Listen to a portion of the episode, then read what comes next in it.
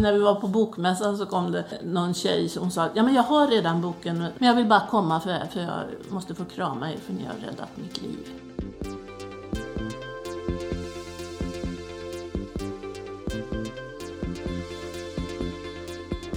Du lyssnar på HSP-podden med Leverby och Klar. Hej och välkomna tillbaka till HSP-podden med Leverby och Klar. En podd som handlar om högkänslighet, ett personlighetsdrag som hittas hos 15 20% av befolkningen. Vi som gör podden heter Ida Leverby och Matilda Klar. Och vi vill börja med att tacka alla er lyssnare för tusentals lyssningar på vår podd och den fina responsen. Det har verkligen varit över förväntan och det är så många som har hört av sig till oss, så fortsätt gärna med det. Och det kan ni göra på Facebook, där heter vi HSB-podden med Leverby och Klar. Ja, gå in och kika där. I veckans avsnitt så träffar vi Maggan Hägglund, en av författarna till boken Drunkna inte i dina känslor. En bok som de flesta extroverta högkänsliga har läst och som har blivit en riktig succé. Maggan Hägglund är 60 plus, bor i Stockholm och hon är journalist och författare. Hon har tidigare varit chefredaktör för tidningen Tara och det var också där som hon i sina krönikor outade att hon var en så kallad starksköring, både högkänslig och extrovert. Boken handlar om Maggan Hägglund och den andra författaren Doris Dalins liv som starksköra och där de delar med sig av personliga berättelser och tips till andra starksköringar. Och vi var och hälsade på Maggan i hennes hus i södra Stockholm, dit ni också ska få hänga med. Hallå! Hej! Hej! Magda! Hej! Hej! Hej! Matilda! Hej Matilda! Hej! Varsågod! Tackar! Tack! Ni hittade? Ja, Ja, vi. Ja. Vill ni ha kaffe? Ja tack, jag tar gärna lite det är kaffe. bra för mig. Lite vatten gärna. Ja. Men du kan väl kalla dig Maggan? Ja, Maggan, Maggan kallas jag. Ja. Kan inte du berätta lite, börja lite med det här med begreppet starkskör? Starkskör var ett begrepp som jag tror, jag tror det var jag som hittade på det, när jag jobbade som eh, chefredaktör på tidningen Tara. Och då skrev jag i en krönika att jag är ju starkskör. Jag är både stark och skör. Och då fick jag direkt reaktioner från läsare. Åh, vilket bra ord! Starkskör och högkänslig är inte riktigt samma sak. Men eh, alltså att det finns ju de som är eh, högkänsliga som är väldigt introverta och det finns de som är väldigt extroverta. Precis som med alla andra människor alltså. Att vi är ju alla någonstans på en skala. 30 procent av alla är klart extroverta. Och jag skulle säga starkskörd, då har man ju rätt så mycket av det extroverta i sig. Sen så slutade jag som eh, chefredaktör, för jag hade bestämt att jag bara ville vara det några år, för jag ville helst vara frilans. Och då började jag jobba på onsdagarna tillsammans med min kompis som heter Doris Dalin. Så jobbade vi på Kungliga biblioteket, så varje onsdag så brukar vi sitta där och skriva. Och, och så pratar vi, och så går vi så här och elva kaffe och så pratar, pratar, pratar och så går på lunch och pratar, pratar, pratar. Och så eh, pratar vi om olika saker och så sa jag att jag brukar säga att jag är starkskör. Alltså Doris, det är ju jag med. Och så började vi jämföra. Jaha, är, är du också sån? Så det var liksom en upptäckt liksom att här finns en annan person som också är så här. Både stark och uppe på barrikaderna och full med energi och olika projekt och samtidigt kan ligga liksom under en sten i skogen då, som vi brukar säga. Och också att det var väldigt befrielse då att kunna prata med henne för hon fattade. Så att eh, jag kunde smsa till henne, nu ligger jag under stenen. Och då liksom kom det så här, ja, har det så bra där under stenen. Hon kom inte rusande för att hjälpa mig. Och hon liksom blev inte jätteorolig, hon visste vad det var. Jag upplevde nog bägge att omgivningen kunde vara väldigt förvirrad. Ja, men eh, igår så liksom var hon jättestark och ledde det här och nu är hon alldeles som en liten urvriden disktrasa. Hur kan det gå till? Och då tror jag att både man själv och omgivningen kan bli misstänksam. Jag tänker, det här kan ju inte stämma. Det kan ju inte vara både så och så.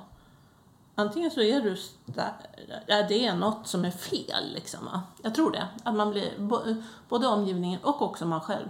Så det är ju en väldig, det, det är ju en väldig vinst när man liksom kan acceptera att ja, men så här är jag. Och alla är inte sådana. Men det är helt okej att vara sån som jag är. hittar man att ja, men jag är jätteintrovert och högkänslig, ja men då är det okej att vara det. Alltså detta, för jag tycker att hela livet så har jag liksom försökt Självacceptansen är eh, det viktigaste. Ja, självacceptansen är absolut, för, i alla fall för mig. Det här är ett citat från Doris. Är jag galen eller varför känner jag så mycket? Ibland slutar svaret mer åt att jag tror att jag är galen, eller i alla fall att jag håller på att bli det. Andra dagar är jag kaxig och tänker att jag varken håller på att bli galen eller är överkänslig, utan det är alla de andra som är underkänsliga. Men inget av det är en sanning.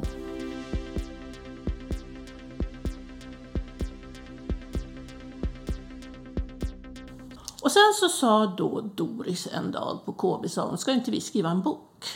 Som vi skulle ha velat haft när vi var yngre, så vi hade kanske sluppit att göra en massa misstag, eller i alla fall känt igen att det fanns andra. Och då sa jag, jo, det gör vi.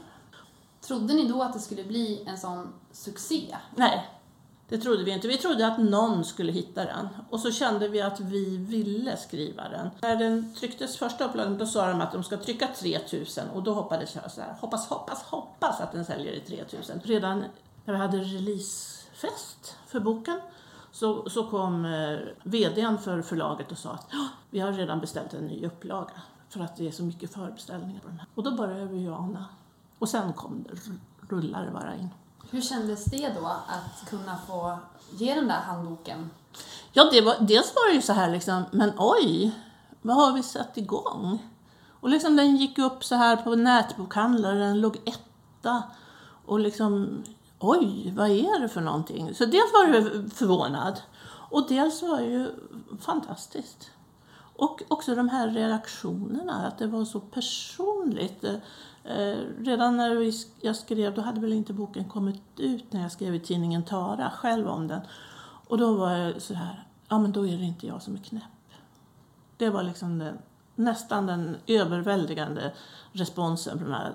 Då är det inte jag som är knäpp, då är jag inte ensam, då är det inte som jag inbillar mig. Det var liksom det genomgående. Och i alla åldrar. Så har jag också tänkt. Varför tror du att det är så? Att vi går runt och känner oss så isolerade i det här? Ja, men dels så tror jag för man inte pratat om det. Det har liksom varit ett begrepp som man inte har pratat om. Dels så tror jag att det lite är också i, ligger i sakens natur. Att vi tar in väldigt mycket eh, intryck. Om någon då tycker så här, ah, det verkar lite konstigt, då backar vi. Istället för att eh, gå fram och säga, vad är ni för töntar som inte känner det här? Alltså att vi har det här att vi läser av, om omgivningen inte förstår, så, så har vi ju tendensen att dra oss tillbaka, tror jag. Men jag vet, vi fick ju till exempel, det var en som skrev till Doris, han var, tror han skulle fylla 77, eh, en man. Och han sa, tänk om det här hade funnits, den här boken hade funnits när jag var barn. Nu sa alla bara att jag var tokig. Nu är jag 77 år men jag ska börja ett nytt liv. och, liksom, och när vi var på bokmässan så kom det eh, någon tjej som sa att ja, men jag har redan boken, hon, hon var kanske 17. eller Så här. Men jag vill bara komma för, för jag måste få krama er för ni har räddat mitt liv. Så att det var väldigt, väldigt starka reaktioner. Hur känns det? Ja, det känns ju lite fantastiskt. Och, och just att vi inte hade, vi tänkte så här att någon, någon måste ju känna igen sig. Det måste finnas några. Och, och jag menar egentligen om man då säger så här att 20 procent, jag menar, så borde det ju finnas många. Men vi tänkte ju att kanske någon. Och för oss var det ju då liksom att vi hade ju hittat väldigt styrka i att vi hade hittat varann. Och att det var väldigt skönt att kunna vara det här. Att eh, någon slags eh, aha-upplevelse för andra. Jag vet att Doris blev väldigt glad när vi läste det här i, i, i eh, Elaine Arons att eh, det är för flockens bästa. Alltså att även med djur och sådär. Vet jag, det var en tjej, hon skrev på sin, sin blogg att vi har en HSD, det är en Highly Sensitive Dog. En av deras hundar var den som alltid kände av hur mår familjen, hur mår de andra hundarna, hur mår människorna? De- Den kände alltid av, va? den spanade in så. Och att då har man ett syfte lite grann också. Ja, det är ett syfte att, att den här, alltså att om alla tog in jättemycket, då kanske alla skulle vara jättetrötta. Och då behövs det väl de som inte tar in alla sådana här eh, känslor och, och intryck och så. Och jag vet, jag träffade en kille, när han, han sa, ja men nu förstår jag, så. För han insåg att han eh, var högkänslig. Nu förstår jag när jag var i Fjälljägarna. För det var alltid jag som, de valde alltid mig som var första spejare. Han, han skickades alltid ut först. För att han upptäckte mycket mer än vad alla andra gjorde. Och då var ju ett väldigt tydligt syfte då.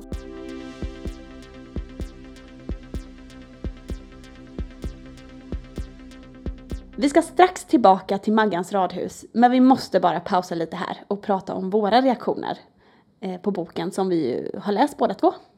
Hur reagerade du på boken Ida?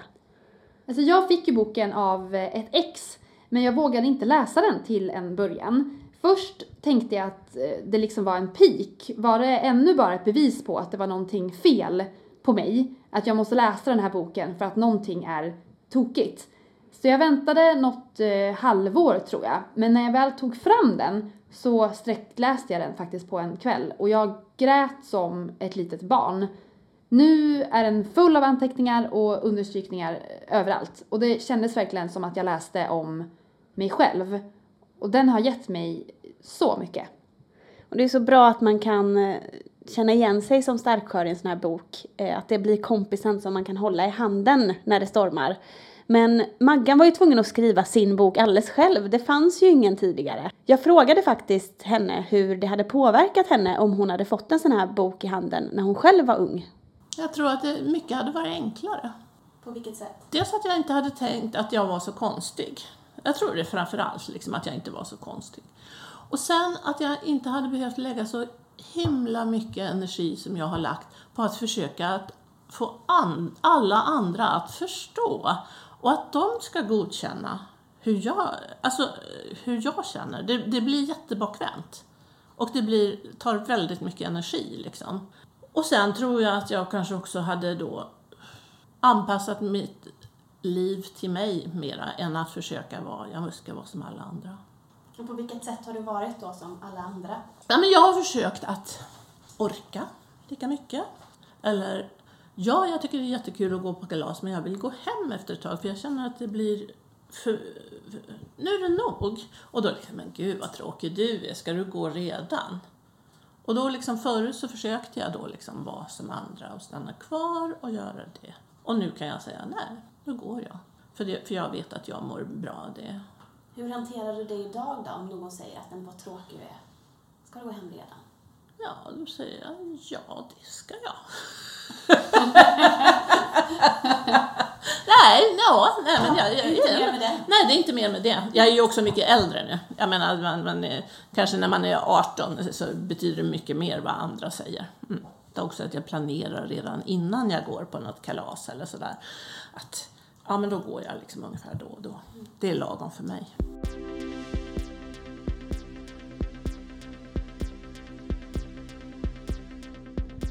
Och det där är så bra att Maggan säger, tycker jag. För det är någonting man verkligen kan ta till sig och använda sig av. Och något som Maggan och Doris också nämner i boken är ju att de har ett eget litet överlevnadskit hemma när de ligger där under stenen. Vad skulle du lägga i ditt överlevnadskit, Ida? Ja men ehm, när det har varit för mycket så brukar jag gråta hejdlöst. Eh, och tricket då, mitt trick för att inte hela världen ska se det sen, är att alltid ha en eh, liten påse med lingon i frysen. Smart! Den lägger jag på ögonen sen och så stoppar jag i öronproppar och bara vilar. Då är det mörkt och tyst. Och efter det brukar jag vilja kolla på en serie för att liksom stänga ute verkligheten lite grann. Men inget för känslosamt. Inga draman eller tårdrypande grejer. Gärna kriminalserier eller eh, lättsamma komedier. Och då brukar jag ändå komma tillbaka ganska så snabbt. Du då? Men jag håller med dig där om serier, gärna någon serie som jag redan har tittat på hundratals gånger förut så det inte är några överraskningsmoment heller. Så jag gillar Vänner för där vet jag varenda replik som kommer, jag vet redan exakt vad de ska säga. Så det känns väldigt tryggt. Men allra helst så vill jag ta på mig en riktigt god ansiktsmask. För att liksom, då kan man koncentrera sig på det som händer på huden och inte det som händer inuti. Maggan har ju fler tips på hur man ska återhämta sig och hålla som starksköring. Så att man slipper hamna där att man måste ta fram sitt eh, överlevnadskit allt för ofta. Jättebra att planera, därför att jag tror att de flesta tycker ändå det är roligt. Det är roligt att vara. Så att det inte blir liksom att åh, jag orkar ingenting så jag bara ska sitta i mitt hörn hela tiden. Men att man liksom planerar så här att ja, jag tycker det här, för nu så här, jag tackar nej till en del. Och så det här, men det här vill jag verkligen. Det här vill jag verkligen gå på. Då ska jag gå på det och då kanske jag ser till att ha det lite lugnt innan jag går. Och så att jag går på det och så kanske jag har planerat så här, ja men då kanske, ja men om det börjar så där, då kan, vid tio då drar jag igen. Och då liksom håller inte jag på att ha långa utläggningar med mig själv. Att, "Åh, varför kan jag inte stanna? Och alla andra och det kommer bli jättekul. Utan då har jag liksom bestämt det och då smiter jag iväg utan att göra så stor affär av det. Hur ser du på det här em, balansen med drivet och nyfikenheten Ja, och kroppen? För Ja. det, det är ju som att, jag kan tänka själv att jag är liksom en, en bil som går på femmans växel hela tiden. ja, ja. Och sen någonstans så tar bilen slut och Ja. jag förstår inte. Ja. ja men då, då, måste man ju, då säger jag så här att då, då får man liksom träna sig i att man kan, att, att, att eh, iaktta sig själv och verkligen känna efter och, och liksom stanna upp. Orkar jag verkligen det här? För så, jag har ju också varit så här packat, packat, packat mycket och, och tycker att det är roligt och tycker det och sen så pff, så orkar jag inte mer. Och nu är jag i alla fall mycket bättre på det. Att liksom fråga, orkar jag verkligen det här? Så det funkar för mig. För att annars blir jag för uppvarvad. Jag blir för uppvarvad. Så att, och förut så pressade jag ju in det då. Alltså då kunde jag ju ha liksom tre möten på en dag och så en, göra en intervju och sen kanske gå på eh, teater på kvällen. Och det var ju jättemycket, men, men det, det, det funkar inte riktigt. När de här sköra stunderna kommer, Ja. vet du då alltid att det beror på någonting eller kommer det bara? Det kan, oftast så kommer det ju bara att jag känner att nu är det någonting som skaver eller någonting. Och det kommer ju mer sällan nu sen jag liksom har lärt mig mer om, om mig själv och hur, vad som passar mig. Ibland så vet jag direkt. Ofta för mig så är det så här, nu är jag för trött. Nu, jag, nu har jag kört för hårt. Lägg ner. Eller lägg dig ner. Så att ofta så vet jag ju det. Och ibland kanske jag kan veta så här, Ja, nu träffade jag de här personerna som liksom jag kände något konstigt. Att det här var människor som, de mådde inte bra, det var någonting. Hur gör du då? Det beror ju på var jag är. Jag menar, är jag ute och bland folk och sådär, då, då försöker jag nog bara... Ja, men då får man ju liksom spela Allan lite grann, med, så länge det är... Har jag möjlighet så, så bryter jag ju det jag gör och tar hand om mig själv. Och så frågar jag så här, vad skulle jag egentligen vilja göra just nu? Och då kan det ofta vara så här, ja, jag vill inte pressa mig att göra det här liksom jobbet eller göra det, utan nu vill jag liksom egentligen bara vila eller jag vill göra något roligt eller så. Och sen också är jag riktigt så här om jag har till exempel varit bland jättemycket folk, fått uh, jätte, jättemycket intryck och så, då, är det, då bara lägger jag mig ner och blundar. Det är mitt bästa sätt. Ligga och blunda och låta tiden gå. Kanske lyssna på radio, en podd. Hur ser det ut med sömnen för dig? Hur viktig är den? Jätteviktig. Men det är ju liksom, jag måste, jag måste få sova och jag måste få vila. Och att jag tycker då, ja men ibland, ja men jag tycker att jag får, jag får lika mycket gjort. Tycker jag, nästan i alla fall. Nu när jag lever som jag gör, att jag jobbar intensivt och så vilar jag och så jobbar jag intensivt och så vilar jag. Så det funkar för mig. Jag brukar berätta ibland när jag var liten, när jag var fem år, då, ungefär, då eh, var det en gång när mina föräldrar hade gäster. Och då sa de så här, ja nu måste du gå in och hälsa på dem. Och jag tyckte att det var så otäckt, det var så mycket, det var så nytt och sådär. Och då gick jag till köket och så tog jag en kökshandduk och så la jag den över huvudet så här. Och så gick jag in och så styrde jag mot de skor jag inte kände igen. Och så sträckte jag fram och så hälsade jag på dem. Så då fick jag liksom vara med. Så det att egentligen kunde man kanske sälja sådana handdukar. För ibland behöver man ju liksom som ett extra filter när man är högkänslig. Att man, att man känner att man tar in för mycket. Man skulle behöva lägga på en handduk. Då kanske jag också kunde börja sälja Maggans högkänslighetsfilter. Det finns ju de som har någon inre visualiseringsteknik. Ja. Att man sätter sig i en bubbla Ja, eller så. ja. Gör du ja. något sånt? Ja, det gör jag nog lite ostrukturerat. Jag, jag, att jag sätter en gräns. Så här, att jag, att jag liksom, nej men nu är det en gräns. Här, här, är, här är mitt, här är mitt område, här är det lugnt och fint. Och så eh, om det då kommer tankar så här. Något jag börjar oroa mig för eller något som har tagit intryck och sådär. Och hur mådde hon eller vad sa han och sådär. Så placerar jag dem utanför staketet. Så det är liksom min egen. Det är, det är en variant på det. Men när du har känt in hur andra Ja. mår, om det är Ja, något, ja. eh, måste det igenom ditt system eller kan du stänga ute det nu? Ibland kan jag stänga ute det. Ibland, ja, jag är mycket bättre på att stänga ute det. Och jag brukar ju också, det skriver jag i boken också, det här att notera att lämnas utan åtgärd. Och så vet jag också att börjar det sätta igång så här i i huvudet som en så här, att det bara ältar och går. Att, att nu kan jag mer så här, ja, ja, låt det gå. Jag vet att det ger sig. Vad skulle du säga är dina, det du är mest eh, glad över, över att vara stark sköring? Att man njuter så mycket. Att man liksom ser... Ja, att jag, jag, jag är ju oerhört, jag är en oerhört förnöjd människa nu. Alltså. Det, jag tycker ju så mycket om mitt liv, om mitt allt och mig själv och allt. Jag menar, jag är väldigt förnöjsam nu. Ja, men det, att, att jag liksom kan njuta av njuta väldigt intensivt av små saker. Det tror jag är allmänt. Och att jag ser nyanser. Ja, men det är väl det att jag ser nyanser. I, i liksom både eh, ja, saker och hos människor och så. Att jag kan njuta av det. Det skulle jag ju säga är det allra bästa. Sen har jag naturligtvis, jag har ju jättebra nytta av det i mitt jobb som journalist. Alltså att jag kan känna in, att jag kan avläsa. Så. Det är ju jättebra. Så den här, eh, om jag får Ja. kalla det den här berg och Ja. dalbaneresan, Ja. har det varit värt det? För att komma hit? Ja, oh ja. Och dessutom, jag var ju tvungen att ta mig hit. För jag menar, så som jag levde då, liksom, det, det, det var ju inget roligt. Det, det var ju väldigt, eller jag vet, ja, vad ska jag säga då? Det är ju kanske också livet, liksom att man lär sig med tiden. Men också när man får insikter och sådär. Ja, men det, det, ja, men det är absolut värt det. Gud, det är jättemycket värt det. Jag tänkte på en sak bara, för Mm. vi berörde innan det här eh, vad som är det bästa med Ja. den här starkheten. skörheten. Vad Ja. är det sämsta för dig? Det är ju att man inte orkar. Jag skulle ju... Ja, det är det. Det, det är att, att man måste sätta gränser för sig själv. Är det frustrationen i det då? Eller? Ja, alltså det är ju en avvägning. Det är klart, samtidigt så det, det jag orkar, det njuter jag ju intensivt av. Så att egentligen, men, men jag menar, jag skulle liksom, ja men tänk om jag kunde liksom ha så här jättemycket folk runt omkring mig. Ja, men det kan jag nog tycka.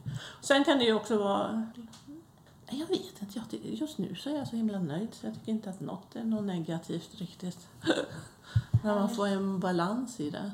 Nej, jag kan inte säga. Men, ja, men jag, ska jag säga något så säger jag ändå alltså att, man, att man ibland måste säga nej till saker som man tycker skulle vara roliga och som, som Men som ja. tajmingen är dålig på? Som timingen är dålig på och samtidigt när jag säger det så känner jag så här, ja, tycker jag verkligen det? Om jag skulle då måste välja, välja bort att liksom då inte ha den här intensiva och, och de här alla intrycken. Ja, då kanske det skulle kanske vara enklare liv men då, och lite tråkigare tror jag. På vår hemsida hittar ni extra material från vårt besök hemma hos Maggan, men också fler läsvärda artiklar om högkänslighet. Så klicka in på leverbioklar.wordpress.com. Funkar lika bra i mobilen och läsplattan som på datorn. Och så kan vi också passa på att tipsa om att vi finns på iPhones egen podcast-app Podcaster. Så du som har en iPhone, gå in där och prenumerera. Och glöm inte att betygsätta oss där också. Skicka in några stjärnor och berätta vad ni, vad ni tycker. Vi finns också på Acast och de flesta andra poddappar. Så följ oss där. Ja, nu finns vi ju lite överallt faktiskt. Snart på Youtube också för er som vill se oss och kanske framförallt våra gäster in action. Nu ska vi gå över till nästa punkt i programmet. Veckans berg och dalbana. Och här delar jag med mig av kriser, upp och nedgångar som nu handlar om min resa till Köpenhamn dit jag bestämde mig för att åka själv i några dagar. Och det är ett bra sätt tycker jag att upptäcka nya städer på och så får man göra precis som man vill. Höjdpunkten var tivoli. Jag älskar ju åkattraktioner. Och tanken var att jag skulle dit på tisdagen. Då sken solen och humöret var på topp. Men jag strosade runt i stan istället och tänkte att jag kan ta tivoli dagen därpå. Men redan innan jag slog upp ögonen på onsdagen så bara visste jag att det här skulle bli en skitdag rent ut sagt. Helt plötsligt så var det kallt och regnigt och jag var bara så himla deppig och hade inte lust med någonting. Ensammast i världen och ville bara hem. Så jag satte mig på centralen och det slutade med att jag satt där i, ja tror jag, sex timmar tills tåget gick hem igen. Alltså det är så himla konstigt att så mycket kan hänga på dagsformen. Och lite på vädret också i det här fallet, eller hur? Ja men jag tror faktiskt det. Och när vi har de här dagarna när det regnar, trots att SMHI har utlovat en solig sommardag, så måste vi ändå se framåt. Och just det har Bertil Monegrim, insändarskribenten som vi gillar så mycket, skrivit en dikt om alldeles nyligen. Många pratar om väder och vind och hör vad tv och tidningar skriver. För vädret pendlar mellan snö, regn och sol på kind när stormen ut i tallarnas kronor river. Vädermannen John Pohlman sa en gång att tre dagar framåt var säkra på sin höjd. Sedan satte han sig vid pianot och sjöng en sång som handlade om regn, men själv var han sol och fröjd. Det är bara att konstatera till slut att vädrets makter rår vi inte på. Men ändå måste vi tillbaka ut, även om vi ska plaska och gå på tå. Glöm inte att följa oss på Facebook och på vår hemsida finns extra material från våra intervjupersoner. Då tackar vi för oss för den här gången och så säger vi hej då! Hej då! I nästa avsnitt träffar vi en retorikexpert. Semestern är slut och det är dags att möta kollegorna och cheferna igen. Vi kommer att ta reda på hur vi bemöter den där okänsliga chefens krav och kollegornas gliringar, som högkänsliga uppfattar ännu tydligare än andra. Hur säger vi nej på jobbet och skapar en arbetsmiljö som passar oss? Det får vi lära oss. Lyssna då!